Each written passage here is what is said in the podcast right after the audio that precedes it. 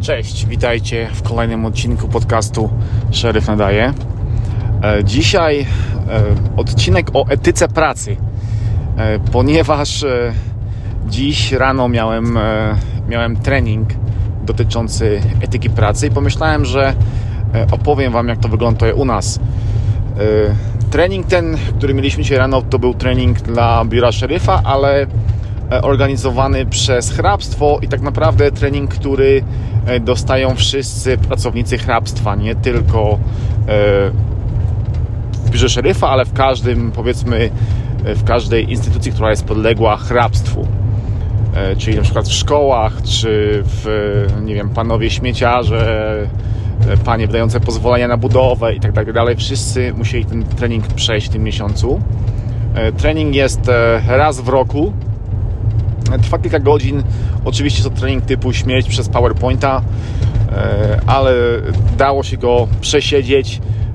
Tak naprawdę nic nowego nie wniósł e, do, do mojej pracy, ale myślę, że warto o tym porozmawiać, ponieważ e, z punktu widzenia deputy sheriff, czyli funkcjonariusza biura szeryfa, to my mamy taką powiedzmy trójwymiarową etykę pracy.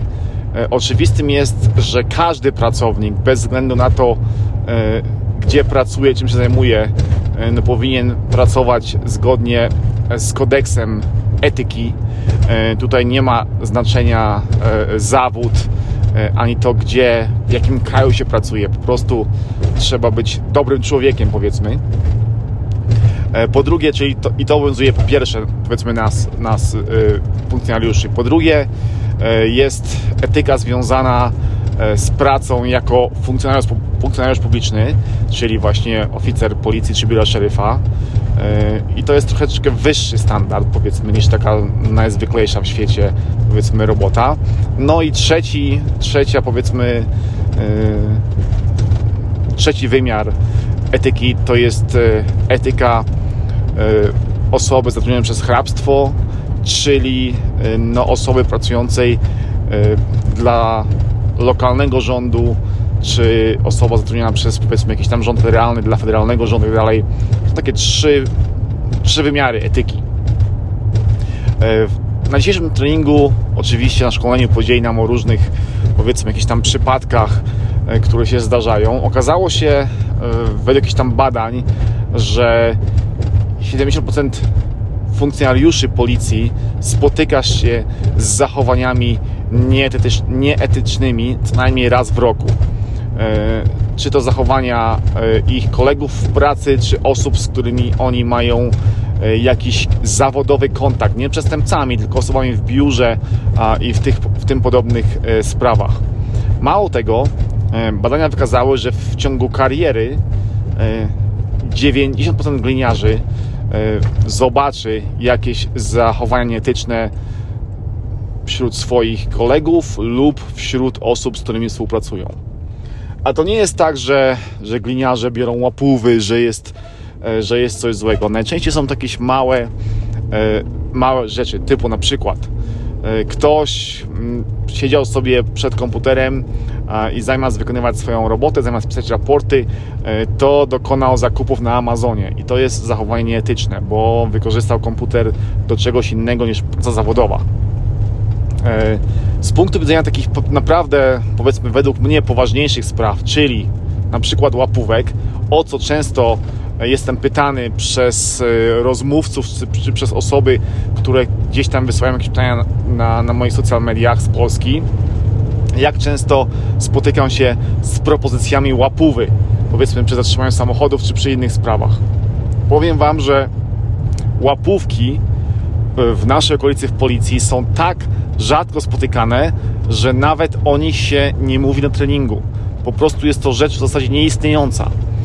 E, moim zdaniem wynika to z tego, że podczas zatrzymania pojazdu e, i powiedzmy jakiegoś tam mandatu łapówka jest zupełnie nieopłacalna dla obu stron ponieważ policjant e, za przyjęcie łapówki nie dość, że straciłby natychmiast pracę, e, to jeszcze by to było wpisane w jego kwity i nigdy już w życiu nie mógłby podjąć pracy w, żadnym, e, w żadnej w żadnym biurze szeryfa, ani w żadnym departamencie policji. Byłby skreślony z listy gliniarzy w USA. Oprócz tego poza tą pracy i, i niemożliwością powiedzmy kontynuacji swojej kariery, e, oczywiście jest to nielegalne, więc e, no, poniósłby konsekwencje karne taki gliniarz e, pod względem prawnym. No i do tego wszystkiego oczywiście osoba próbująca dać łapówkę, no też jest to nielegalne, więc powiedzmy poniosłaby sporą karę, gdyby została złapana, gdyby policjant coś o tym powiedział. I no nie opłaca się dać komuś łapówy, powiedzmy ileś tam dolarów, w przypadku przekroczenia prędkości, gdzie mandat kosztuje stówkę czy dwie stówki, prawda? No to jest bez sensu. Mało tego, gliniarz zarabiający powiedzmy, powiedzmy te przeciętne 30, 40 parę dolarów na godzinę, no ile musiała ta, ta łapówka wynosić, żeby mu się to w ogóle w jakikolwiek sposób opłacało ryzykować, prawda? Czyli to jest po prostu no, coś nierealnego w naszych, powiedzmy, w naszych realiach. Coś nierealnego w naszych realiach, ale powiedziałem fajnie. E, coś nierealnego w naszej sytuacji. E, więc łapówy są kompletnie jakimś science fiction tutaj w naszej okolicy. E, oczywiście istnieją inne sprawy dotyczące etyki pracy, typu, nie wiem, oszukiwanie na kartach yy, godzin i tak dalej. Ale to też są rzeczy, które się zdarzają bardzo, bardzo rzadko. My mieliśmy raz taki przypadek, gdzie został ktoś zwolniony z pracy za to, że yy, wykazywał więcej godzin, czy wykazywał inne godziny pracy yy, niż rzeczywiście pracował. Na przykład osoba brała zamiast dnia pracy jakieś tam urlopy, które jej się nie należały i za została wywalona z pracy. I znowu, to jest coś, co moim zdaniem jest nieopłacalne na dłuższą metę, więc też zdarza się bardzo, bardzo rzadko.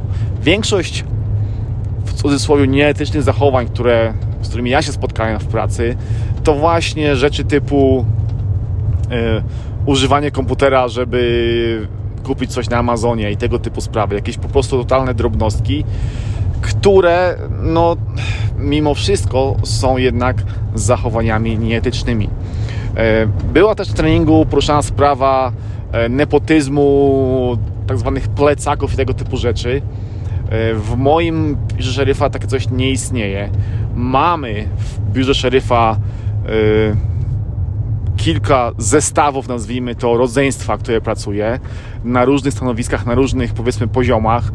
Mieliśmy dwóch kapitanów, którzy mieli braci pod sobą E, w tej chwili jeden już przeszedł na emeryturę, został tylko jeden.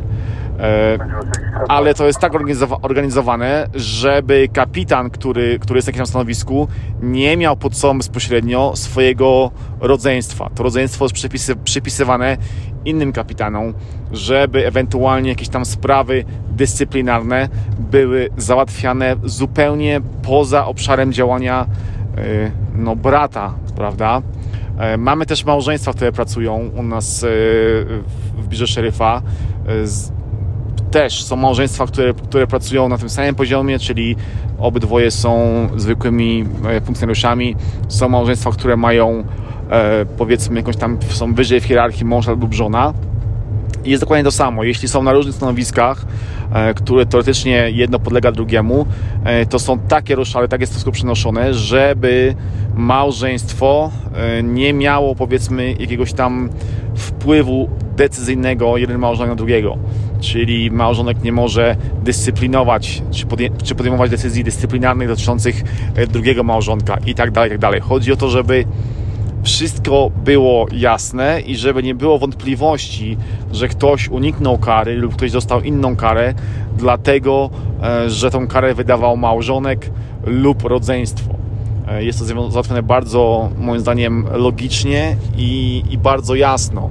E, no bo wiadomo, że wszystkie sytuacje są tak naprawdę sprawami jawnymi. Społeczeństwo ma wgląd w, w to, co dzieje w szeryfa, może poprosić o, o raporty dotyczące działań danego gliniarza i może sprawdzić, czy powiedzmy za jakieś tam przewinienie dany gliniarz uniknął kary, dlatego że wstawił się za niego starszy brat lub mąż lub żona. I to byłby skandal, który pogrążyłby biuro szeryfa i raczej takie rzeczy u nas się nie zdarzają. Czy to nie występuje w Stanach? Oczywiście, że występuje. To jest, to jest normalna sprawa, powiedzmy. E, ludzie są tylko ludźmi. Są wielkie departamenty, wielkie biura szeryfa, w których no, pracują różni ludzie.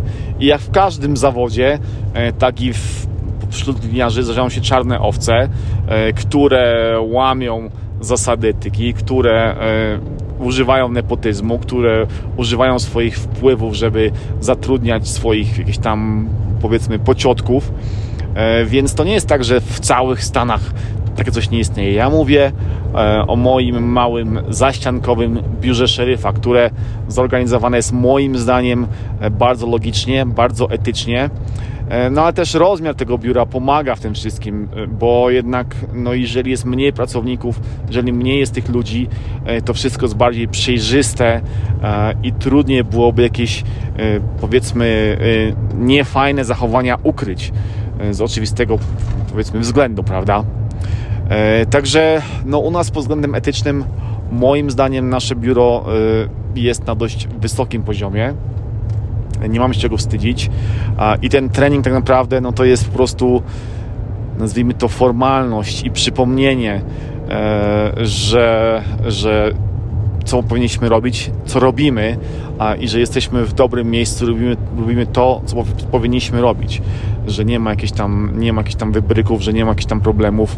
W naszym hrabstwie z kolei zdarzały się problemy. Mieliśmy jakieś tam afery. E, nawet w ubiegłym roku e, ktoś doniósł e, na anonimową infolinię, że jakaś tam kobieta pracująca w biurze wydającym zasiłki robiła to w sposób powiedzmy nielegalny do końca wydawała więcej zasiłków swoim znajomym, e, czy jakimś tam swoim, powiedzmy, e, e, nie tyle współpracownikom, co osobom, której odpalały od tego zasiłku jakieś tam kwoty i pani nie dość, że została zwolniona, no to poszła za to siedzieć. Więc no nie ma tutaj przebacz, jeżeli się takie coś wykryje i, i, znajdzie, to jest, no to jest to dość mocno karane. Jeszcze parę lat wcześniej mieliśmy aferę, w której facet sprzedawał z warsztatu E, opony, które kupowało hrabstwo e, gdzieś tam nielegalnie za pół ceny. No i też to zostało wykryte i też tam e, posypały się konsekwencje, posypały się głowy, ludzie poszli siedzieć, parę osób straciło pracę, więc no nie było, nie było tam żadnego przebacz. Wszystko zostało dokładnie opisane. Mało tego, raporty są dostępne normalnie do wglądu, tak jak mówiłem wcześniej, osobom publicznym. Osoby publiczne mogą sobie te, te raporty przeczytać, jak to wyglądało, jak zostało rozwiązane, kto, kto to, kto to e, powiedzmy wykrył, kto zgłosił, e, jakie konsekwencje poniosły osoby, które były w tym zamieszane, więc wszystko jest jak najbardziej przejrzyste. Więc tak wygląda sprawa, powiedzmy, etyki i dobrych zachowań u nas w biurze szeryfa i w naszym hrabstwie. Dobra, krótki odcinek, ale mam nadzieję, że e, w miarę ciekawy. E, jak zwykle pamiętajcie, dajcie mi znać w komentarzach, nie tyle w komentarzach, co na e-maila, który jest w opisie odcinka, e, czy chcecie jakiś konkretny temat, żeby był poruszony, czy macie jakieś pomysły, to walcie jak w dym. E, no i pamiętajcie, don't be a fake, be yourself, czyli nie udawajcie, bądźcie sobą, bo to ważne w życiu. Dzięki za słuchanie, trzymajcie się, pozdrawiam, cześć!